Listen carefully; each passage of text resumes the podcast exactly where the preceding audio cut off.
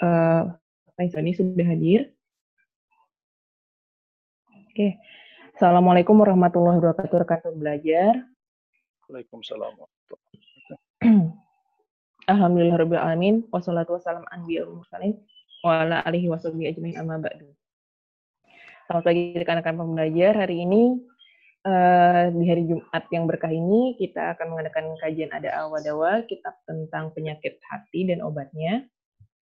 Dan uh, kemarin terakhir yang dibahas adalah tentang uh, waktu-waktu mustajab berdoa dan bagaimana faktor doa terkabulkan. Nah, saya serahkan ke Ustadz uh, Faisal Sundani untuk melanjutkan kajiannya. Oke. Okay. Bismillahirrahmanirrahim. Assalamualaikum warahmatullahi wabarakatuh. Alhamdulillah wassalatu wassalamu ala Rasulillah wa ala alihi tabi'ahu bi ihsanin ila yaumiddin. Wa ba'du.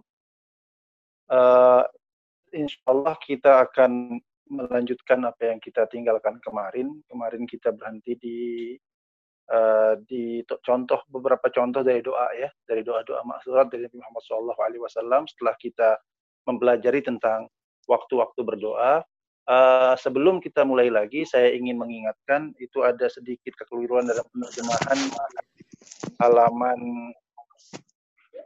di halaman 20 sebentar.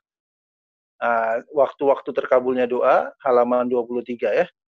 Ini kemarin sudah kita uh, sudah kita koreksi uh, buat kawan-kawan, buat ikhwan dan akhwat yang tidak sempat untuk mengoreksi uh, itu ada nomor empat. Nomor empat itu bukan setelah melaksanakan salat wajib, tetapi uh, Imam Ibnu Qayyim al-Jauziyah mengatakan dalam versi bahasa Arabnya dan versi aslinya adalah fi adbari kulli salawatil uh, maktubah, yaitu adalah di akhir salat-salat yang wajib, di akhir salat-salat wajib artinya bukannya setelah salam tetapi sebelum salam. Uh, seperti kita sudah bahas banyak doa-doa yang Nabi Muhammad SAW ajarkan sebelum salam. Uh, doa-doanya kita sudah uh, saya sudah berikan contoh seperti doa-doa uh, apa namanya doa seperti uh, ya muqallibal qulub tsabbit qalbi ala, ala dinik. Uh, kemudian Allahumma inni ala zikrika wa syukrika wa husni ibadik ibadatik. Uh, ada beberapa doa yang kita bisa baca uh, sebelum apa sebelum kita mengakhiri sholat kita itu disebut sebagai uh, apa namanya fi adbar salawat al maktubah ya. Jadi nomor empat itu adalah di akhir apa di akhir salat wajib yaitu sebelum salam. Ya, bagaimana dengan setelah salam? Setelah salam juga boleh. Cuman setelah uh, yang dimaksud oleh Imam Ibnu Qayyim di sini adalah uh, di apa waktu yaitu sebelum salam ya di akhir.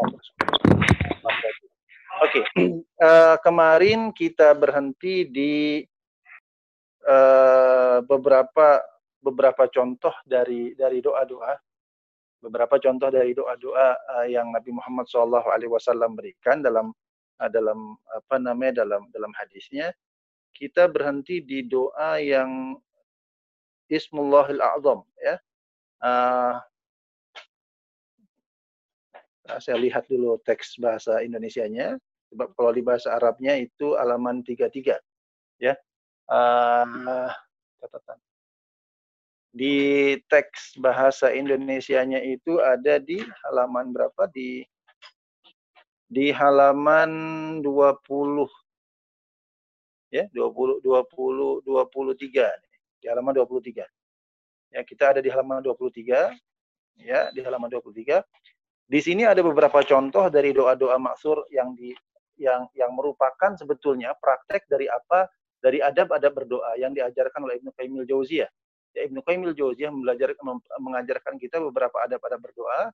Ya di antaranya uh, ingat lagi kita uh, apa Ibnu Ibnu Qayyim Jauziyah memberikan rekomendasi bahwa sebelum berdoa uh, kita membaca salawat, membaca tahmid kepada Rasulullah untuk Rasulullah SAW, untuk Allah dan untuk Rasulullah ya, untuk Allah Subhanahu Wa Taala, salawat kepada Rasulullah SAW, untuk uh, kemudian bertawasul dengan asma Allah wa sifatihi dengan dengan nama-nama Allah dan sifat-sifat sempurna dari Allah Subhanahu wa taala. Uh, kemudian apa namanya ada rayuan dari kita kepada Allah Subhanahu wa taala. Oke. Ini ada beberapa doa yang dicontohkan Rasulullah Shallallahu alaihi wasallam di antaranya halaman 23, halaman 23. Allahumma inni as'aluka bi anni ashhadu annaka antallahu la ilaha illa antal ahadus samad alladzi lam yalid wa lam yakul lahu kufuwan ahad. Jadi ini juga uh, contoh dari doa ya, doa doa maksur bahwa uh, ini riwayat dari uh, Abdullah bin Buraidah dari ayahnya bahwa Rasulullah SAW pernah mendengar seorang dengan berdoa dengan doa yang demikian yaitu Allahumma inni as'aluka bi anni ashhadu annaka antallahu la ilaha illa anta al-ahadus samad alladzi lam yalid wa lam yulad wa lam yakul lahu kufuwan ahad.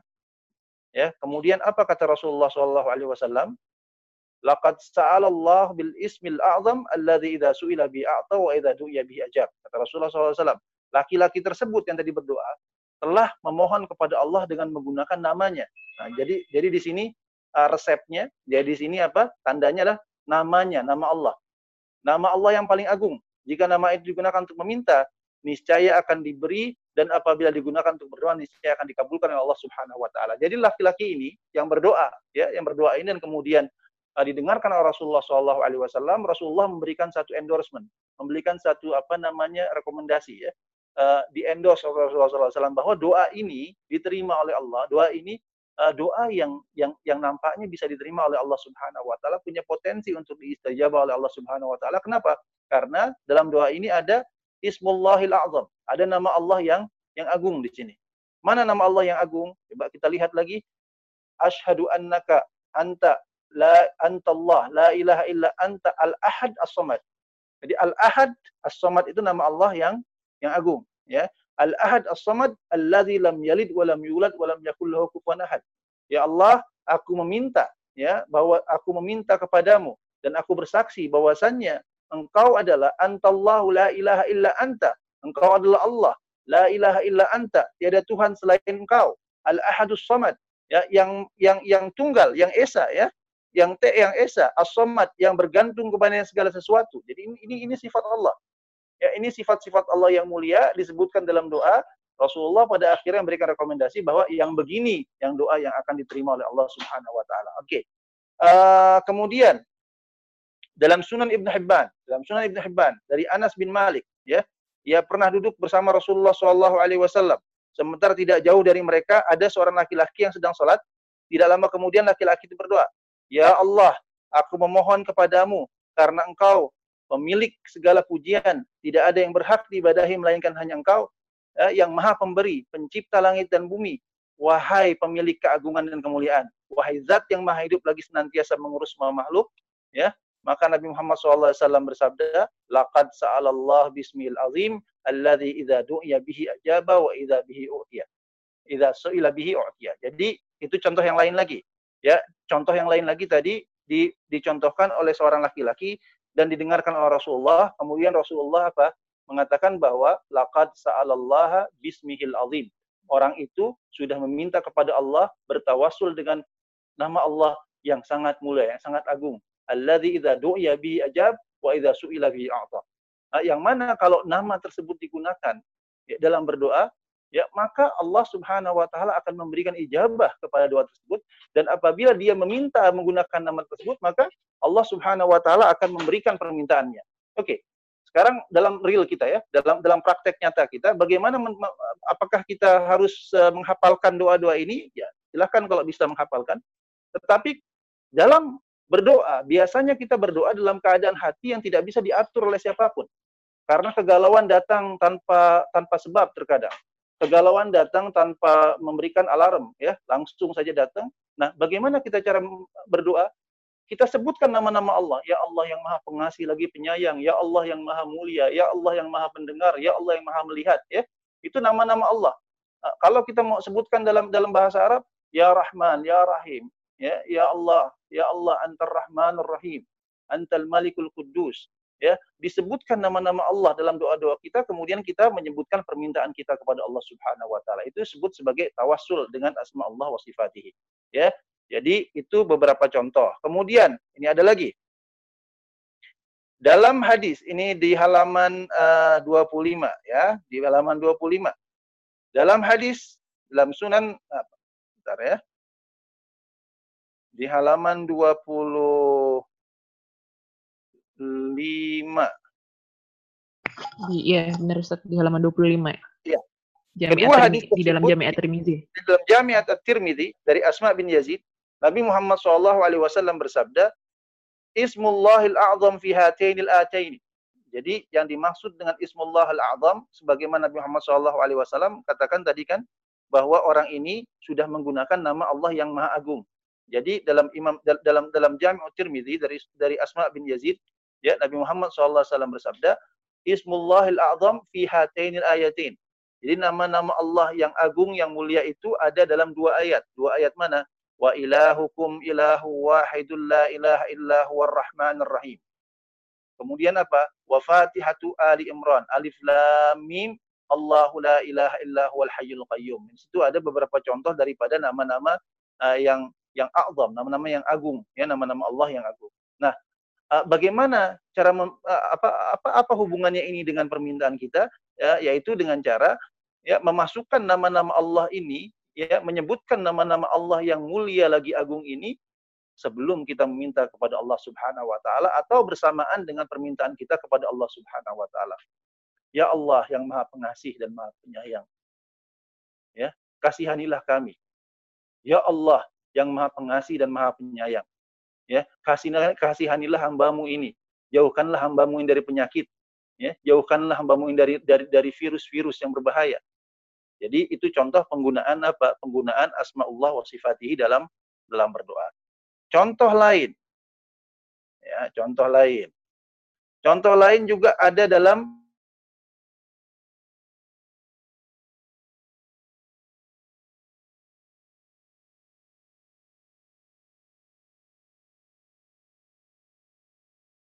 ya kalau kita lagi galau misalnya atau kita punya kebutuhan, kita punya keperluan yang besar sekali, misalnya anak kita belum bayar SPP, kemudian kita masih dalam keadaan yang negatif dari saldo keuangan dan lain sebagainya, apa? Ya zal jalali wal ikram. Ya, kita baca ya zal jalali wal ikram ya Allah, wahai jalal wal ikram, pemilik keagungan dan kemuliaan, mudahkanlah urusan saya ya Allah. Ya. Itu itu contoh dari penggunaan apa namanya penggunaan asma wa sifat, uh, tawassul dengan asma wa sifat. Di dalam Jami'ut Tirmidzi dari hadis Abu Hurairah dia berkata, jika Nabi Muhammad SAW ditimpa perkara yang buatnya gundah. Ya, kalau Nabi sedang galau, ada kegundahan, beliau menengadahkan wajahnya ke langit, ya, di, di, di, diangkat wajahnya ke langit, kemudian apa? Uh, kemudian bersungguh-sungguh dalam berdoa, ya, beliau mengucapkan ya hayyu ya qayyum. Ya hayyu ya qayyum. Ya Hayyu Ya Qayyum, wahai zat yang maha hidup lagi senantiasa mengurus semua makhluk. Ya Hayyu Ya Qayyum, yang maha hidup dan maha mengurus semua makhluk. Itu itu arti Ya Hayyu Ya Qayyum. Jadi dibaca itu Ya Hayyu Ya Qayyum. Kalau lagi susah, Ya Hayyu Ya Qayyum.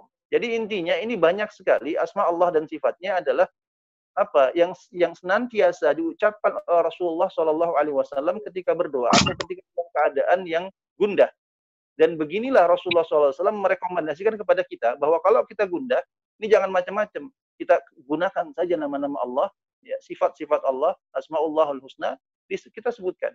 Ya Hayyu Ya Qayyum. Ini ini ini dicontohkan oleh, oleh, oleh Nabi Muhammad SAW sebagaimana diriwayatkan oleh Abu Hurairah dalam Jami' At-Tirmidzi yaitu Ya Hayyu Ya Qayyum. Ada lagi riwayat lain ya juga dalam Jami' At-Tirmidzi dari Anas bin Malik ditambah ya ay, ya hayyu ya qayyum bi rahmatika astaghis. Tambah ya hayyu ya qayyum bi rahmatika astaghis.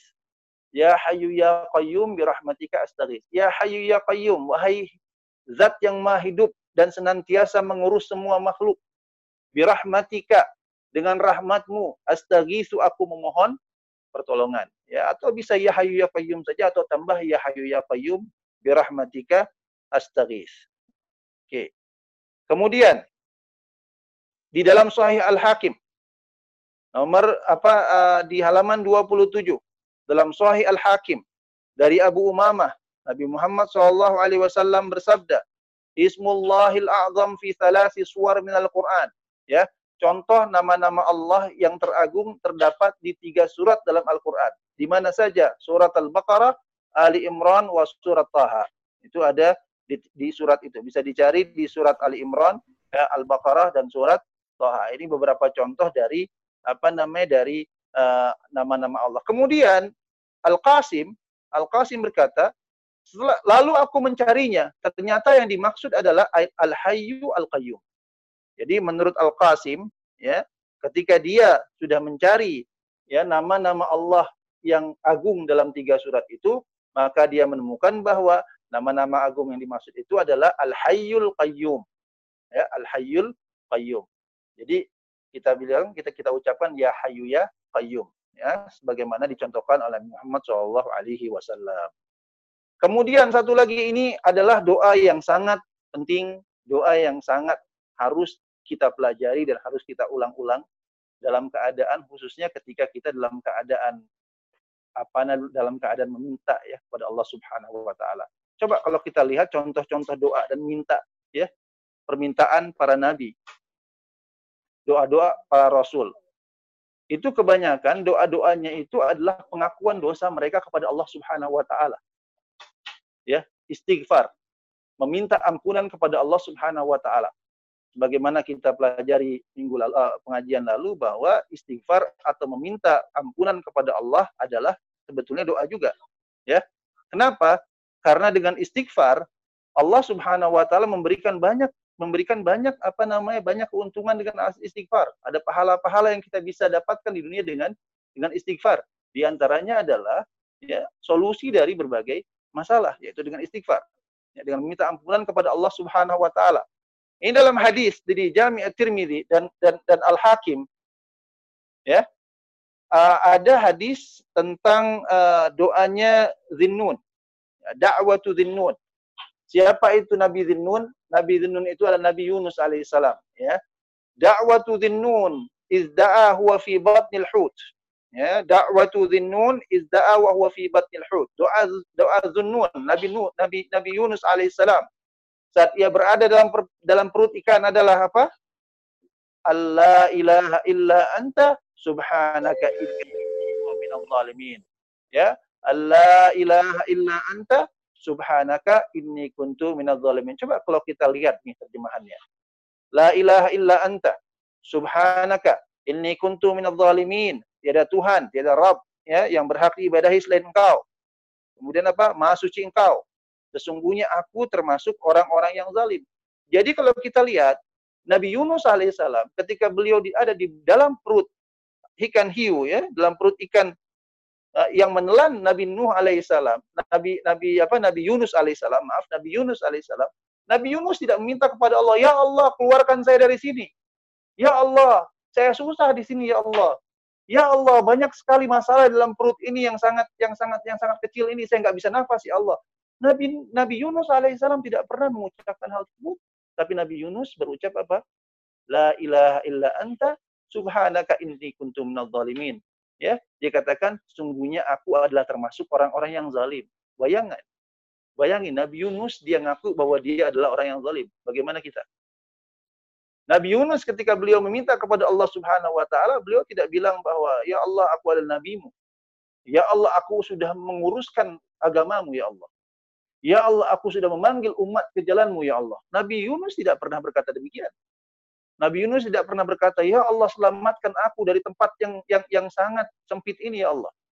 Sudah lama aku nggak makan, ya Allah. Enggak, nggak pernah begitu. Tapi Nabi Yunus berkata apa? Ya Allah, sesungguhnya aku adalah termasuk orang-orang yang zalim. Kenapa? Karena di situ ada pengakuan. Bagaimana kita sudah sebutkan, disebut oleh Ibnu Qayyim al-Jauziyah bahwa di antara adab berdoa adalah apa? Mengaku dosa kepada Allah Subhanahu wa taala dan meminta ampunan kepada Allah Subhanahu wa taala. Ya, pengakuan dosa kepada Allah Subhanahu wa taala itu adalah bukti bahwa kita hina di depan Allah Subhanahu wa taala dan Allah lebih mulia. Nah, jadi ini, jadi kalau orang muslim ya, kita tidak punya tradisi, tidak ada ajaran bahwa kita mengakui dosa ke orang lain, tidak. Karena bagi dalam Islam dosa adalah sebuah aib ya itu sebuah aib antara manusia dengan Allah saja jadi tidak perlu ada orang lain yang tahu dosa kita apa. Tidak perlu. Ya tapi siapa yang harus eh, dengan siapa kita mengadukan dosa kita?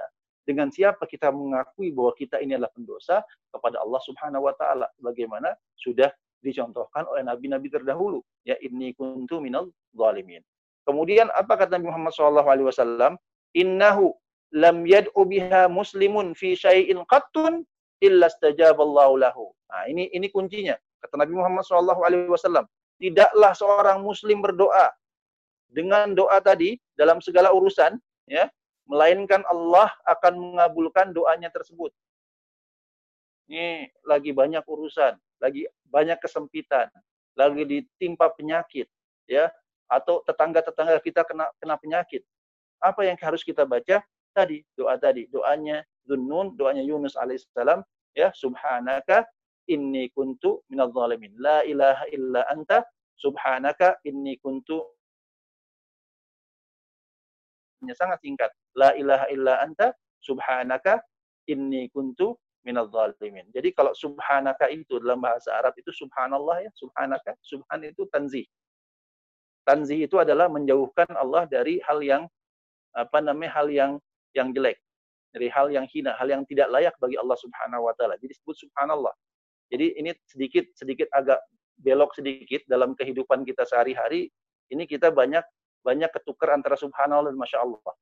Ya, jadi kalau orang marah, Masya Allah kamu begini. Oh, enggak, kalau marah bukan Masya Allah. Masya Allah itu kalau kita melihat anak yang baik, bilang Masya Allah. Ya, Masya Allah cantiknya. Masya Allah uh, apa namanya bagusnya tulisannya Masya Allah. Ya, Masya Allah hebatnya itu Masya Allah. Ya, tetapi kalau Subhanallah, ketika kita melihat satu kekurangan dari seseorang, misalnya kekurangan akhlaknya kurang, Subhanallah. Kita bilang apa? Subhanallah. Kenapa kita bilang Subhanallah? Karena maha suci Allah dari yang sedemikian gitu disebut sebagai dalam bahasa Arab disebut sebagai tanzih ya Subhanaka inni kuntu minadh dhalimin. Kata Nabi Muhammad wasallam, "Innahu lam yad'u biha muslimun fi syai'in qattun illa istajaba illa istajaba Allahu lahu." Tidaklah seorang muslim berdoa dengan menggunakan doanya Nabi Yunus tadi dalam segala sesuatu ya kecuali Allah Subhanahu wa taala akan memberikan ijabahnya. Ya kita kita ada punya kesulitan minta kepada Allah doa itu sajalah. Ya kenapa? Karena Allah tahu kesulitan kita itu apa. Dan Allah yang lebih tahu solusinya itu gimana. Ya, jadi dengan berdoa kepada Allah dengan memberitahukan kepada Allah dengan mengakui kepada Allah bahwa kita adalah pendosa kita adalah yang zalim maka insya Allah Allah akan memberikan istijabah terhadap apa terhadap hajat kita oke okay. nah uh, di halaman 27 ini ada lagi halaman 28 ya. Nabi Muhammad SAW dalam Al-Mustadrak karya Al-Hakim dari saat Nabi Muhammad SAW uh, bersabda ya Rasulullah bersabda ala ukhbirukum bi syai'in idza nazala bi rajulin idza nazala bi rajulin amrin muhim pada abihi yufarrijullahu anhu Rasulullah bersabda maukah kalian kuberitahukan tentang sesuatu yang jika seseorang ditimpa satu urusan yang sangat menggelisahkannya. Lalu dia berdoa dengan dengan doa tersebut, maka Allah akan memberinya jalan keluar. Apa doanya? Ya. Adalah tadi adalah uh, doa Yunus alaihissalam. Ya, hal kanat uh, apa? Kemudian ketika kita membaca doa Yunus alaihissalam, Allah Subhanahu wa taala akan apa? Akan mem, akan memberikan kita akan memberikan kita solusi dari berbagai masalah. Nah, seorang sahabat di sini dalam Sahih Al-Hakim ya, Ketika Rasulullah SAW bersabda, Hal adullukum ala, ala ismillahil azam, doa Yunus. Nabi Muhammad SAW bersabda bahwa maukah kalian kutunjukkan tentang nama Allah yang paling agung, yaitu doa Nabi Yunus AS. Ya. Nah, seorang laki-laki berdiri. Faqala rajul, bertanya seorang laki-laki, Ya Rasulullah, hal kanat li Yunus? Ya. Wahai Rasulullah, apakah doa yang dibacakan oleh Yunus alaihissalam hanya untuk Yunus saja? Ya, Kemudian Rasulullah SAW bersabda, "Ala tasma'u qaulahu ta'ala?" Tidakkah engkau mendengarkan apa yang Allah Subhanahu wa taala firmankan? Ya, fastajabna lahu wa najjaynahu minal ghammi wa kadzalika nunjil mu'minin. Allah Subhanahu wa taala berfirman, ya, maka kami telah telah memperkenalkan doanya dan menyelamatkan dari dari menyelamatkan dari kedukaan dan demikianlah kami selamatkan orang-orang yang beriman. Nah, itu kata kuncinya pada akhirnya wa kadzalika nunjil mukminin dan maka demikianlah kami apa selamatkan orang-orang yang beriman. Jawabannya apa jadinya? Jadi doanya itu bukan hanya untuk Yunus alaihissalam. Ya kita bisa menggunakan doa itu. Kenapa? Karena Allah Subhanahu wa taala berjanji wa kadzalika nunjil mukminin. Ya, maka kami akan selamatkan orang-orang yang yang beriman. Nah, jadi ini uh, beberapa contoh tadi doa doa Yunus alaihissalam ini sangat penting sekali untuk di untuk apa untuk diucapkan ya untuk di, dipraktekkan setiap hari doa Yunus alaihissalam di halaman uh, selanjutnya di halaman selanjutnya nah ini ada beberapa contoh lagi ya contoh doa-doa dengan menggunakan tawasul dengan asma Allah wa sifatihi ya Tawasul menggunakan nama-nama Allah yang indah, nama-nama Allah yang sempurna. La ilaha illallahul azimul halim. La ilaha illa la ilaha illallah rabbul arsyil azim. La ilaha illallah rabbus samawati sab'i wa rabbul ard wa rabbul arsyil karim. Nah, disebutkan itu juga ya. Jadi la ilaha illallahul azimul halim. La ilaha illallah rabbul arsyil azim. La ilaha illallah rabbus samawati sab'a wa rabbul ard wa rabbul arsyil karim. Jadi coba diulang-ulang doa tersebut, artinya tidak ada yang berhak diibadahi melainkan Engkau ya Allah, Maha Agung lagi Maha Penyantun. Ya, Al-Halim, Al-Azimul Halim, yang Maha Agung dan Maha Penyantun. Itu nama Allahnya di mana? Al-Azim, Al-Halim. La ilaha illa anta, la ilaha illallah, Rabbul Arsyil Azim. Rabbul Arsyil Azim juga nama Allah. Rabbul Arsyil Azim, ya. Rabb aras yang agung, pemilik aras yang agung. La ilaha illallah, Rabbus samawati sab'a wa Rabbul ard. Allah, ya tidak ada Tuhan selain Allah. Rabbus samawati as-saba. Tuhannya pemilik apa? Pemilik tujuh lapis langit. Ya, wa rabbul ard dan pemilik bumi. Rabbil arsyil azim, Rabbil arsyil karim serta pemilik apa? Aras yang yang mulia. Itu itu contoh lagi. Uh, ini banyak sekali contohnya ya contohnya mungkin uh, saya tidak akan membaca semua contohnya, mungkin bisa uh, bisa bisa uh, kita baca di apa namanya di di sendiri-sendiri ya contoh-contohnya. Tapi ini ada satu sebetulnya yang saya ingin contohkan, yang saya ingin bacakan ya, karena ini adalah direkomendasikan oleh Rasulullah SAW yang di halaman 29 bagian bawah, coba lihat 29 bagian bawah. Nah ini dia ini dalam Mustad Ahmad. Ini ini ini bagus sekali doanya dan ini direkomendasikan Rasulullah SAW dan ini sahih ya. Ma asaba ahadun qattun hammun wala haznun. Faqala Allahumma inni abduka ibnu abdika ibnu amatika nasiyati biyadik. Madin fiyya hukmuk, adlun fiyya qada'uk. As'aluka Allahumma bikulli ismin huwa laka sammaita bihi nafsak. Au allamtahu ahadan min khalqik. Au anzalahu min kitabik. أو استأثرته به في علم الغيب عندك أن تجعل القرآن العظيم ربيع قلبي ونور صدري وجلاء حزني وذهاب همي ya itu sampai situ ya itu doanya jadi doanya saya ulangi lagi dari ma'as dari dari dari Allahumma tadi ya coba mungkin bisa digaris bawahi doanya mana dari Allahumma Allahumma inni abduka ya ibnu abdika ibnu amatika nasiyati biyadik madin fiyya hukmuk adlun fiyya qada'uk as'aluka Allahumma bikulli ismin huwa lak sammaita bihi nafsak aw 'allamta ahadan min khalqik aw anzaltahu fi kitabik aw ista'sartahu fi ilmil ghaibi indak an taj'ala al-Qur'ana al-'azima rabi'a qalbi wa nura sadri wa jala'a huzni wa dhihaba hammi Nah, sampai situ, sampai wadihaba hami. Ya. Apa yang terjadi kalau kita membaca ini? Ya, ini saya, saya terjemahkan dulu doa, apa eh, hadisnya sampai situ. Ma'asaba ahadun qattun hammun wala haznun. Tidaklah seseorang ma'asaba ahadun qattun hammun wala huznun. Tidaklah seseorang tertimpa gelisah dan kesedihan kemudian dia ber, dia berdoa doanya apa Allahumma inni abduk ya Allah aku adalah hambamu aku adalah hambamu, ibnu abdik, aku adalah anak dari hambamu, wa ibnu amatik, ama, anak dari hamba perempuanmu. Nasiyati biadik, ubun-ubunku di tanganmu. Ubun-ubunku di tanganmu. Madin fiyya hukmik, sudah terjadi hukumku, hukummu di atasku. Yang engkau sudah takdirkan sudah terjadi kepadaku.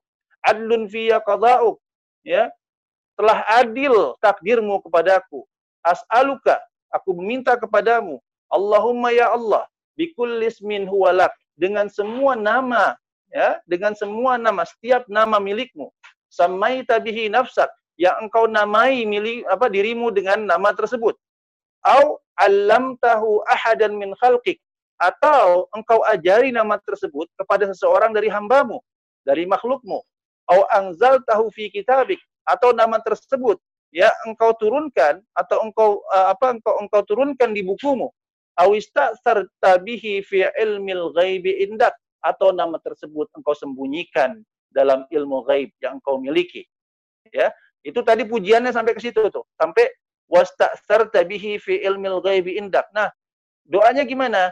An taj'alal qur'anal azima rabi'a qalbi wa nura sadri wa jala'a huzni yaitu Ya Allah, jadikanlah Al-Quran Rabi'a Qalbi. Ya, Rabi'a Qalbi itu adalah yang mendinginkan hatiku. Penyejuk hatiku. Kemudian wajala'a huzni yang yang apa mem, yang menghilangkan kesedihan kesedihanku. Wadhahaba hammi juga yang melenyapkan apa? Hammi. Hammi itu adalah kegalauanku. Jadi jadi doanya itu. Doanya Allah antaj alal Qur'an al-azim rabi'a qalbi wa nura sadri wa jala huzni wa dhihab hammi. Nah, Nabi Muhammad bersabda, illa azhaballahu azza wa jalla hamma wa hazna. Siapa pun yang membaca itu, kata Nabi Muhammad wasallam, Allah akan menghilangkan darinya hammahu wa haznahu, kegalauan dan kesedihannya. Wa abdala makanahu farhan. Kemudian kegalauannya itu berubah menjadi gembira, senang. Wakila ya Rasulullah, ala nata'allamuha wahai Rasulullah apakah kami harus belajar faqala bala yan bagi liman sami'aha ayata'allamaha ya betul. Sesiapapun yang mendengarkan doa itu harus belajar. Oke saya sedikit tambahan dua menit mungkin ini waktunya agak agak agak agak bertambah sedikit. Uh, di sini sebetulnya ada satu kuncinya ya. Ini ini semua setelah kita pelajari kan kenapa doa ini direkomendasikan Rasulullah SAW adalah karena apa? Karena memakai nama-nama Allah Subhanahu Wa Taala yang mulia ya nama-nama Allah yang agung di, di, digunakan di doa ini. Tetapi doa ini tidak manjur, tidak mustajab kalau satu hal. Kira-kira apa? Doa ini tidak manjur kalau setelah baca doa ini kemudian kita menjauh dari Al-Quran. Kenapa? Karena doanya kan antaj'alal Qur'ana rabi'a qalbi. Bagaimana kita menjadikan Quran itu penyejuk hati kalau kita jarang baca Quran? Kalau kita menjauh dari Al-Quran?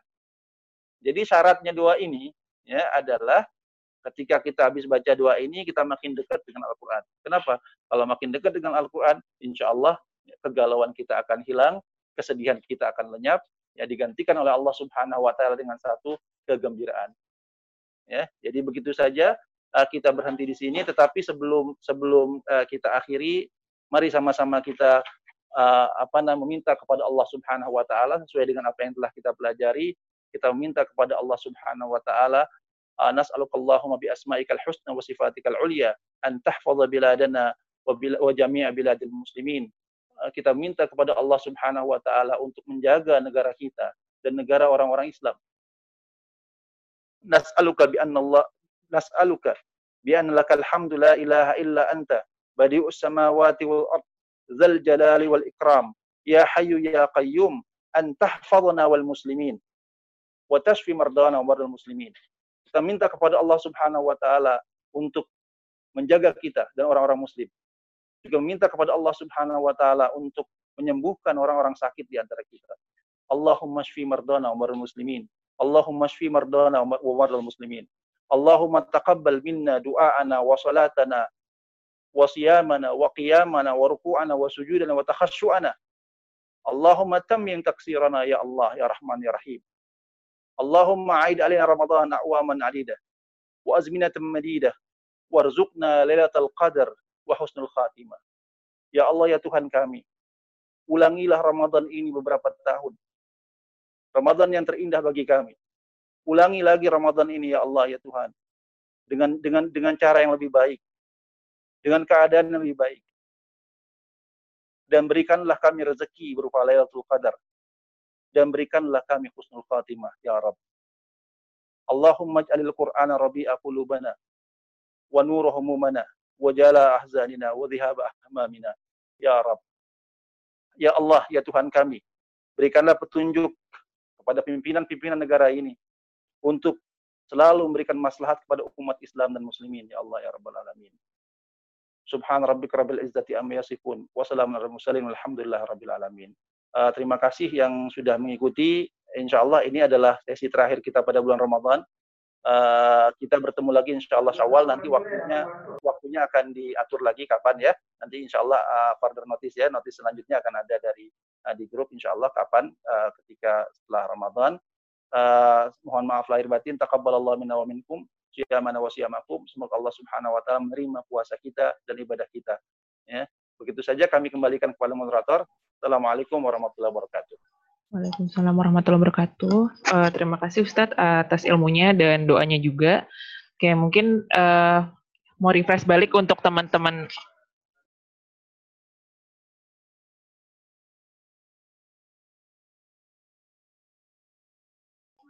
untuk teman-teman yang uh, terlambat hadir, uh, tadi kita ngebahas tentang contoh-contoh doa uh, yang dicontohkan oleh uh, Rasulullah